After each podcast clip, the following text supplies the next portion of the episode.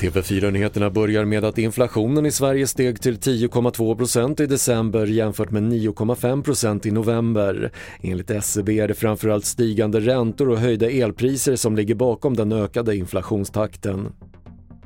Polisen sköt en man i benet i samband med att man kom till en adress för att utreda misstankar om brott i Falköping i natt. Situationen blev hotfull då två män skulle gripas och en av männen hotade polisen med en kniv men skadeläget är oklart. Kiruna kommun vill få statliga pengar efter gruvjätten LKAB gjort det största fyndet av sällsynta jordartsmetaller i Europa. Pengarna behövs bland annat till dubbelspårig järnväg till Narvik men även för att bygga bostäder och få fler att flytta till Kiruna.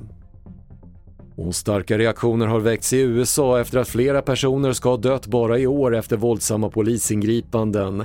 Bland annat avled kusinen till en av Black Lives Matter-grundarna bara timmar efter att han upprepade gånger skjutits med polisernas elchockvapen under ett ingripande. Fler nyheter på TV4.se. Jag heter Patrik Lindström.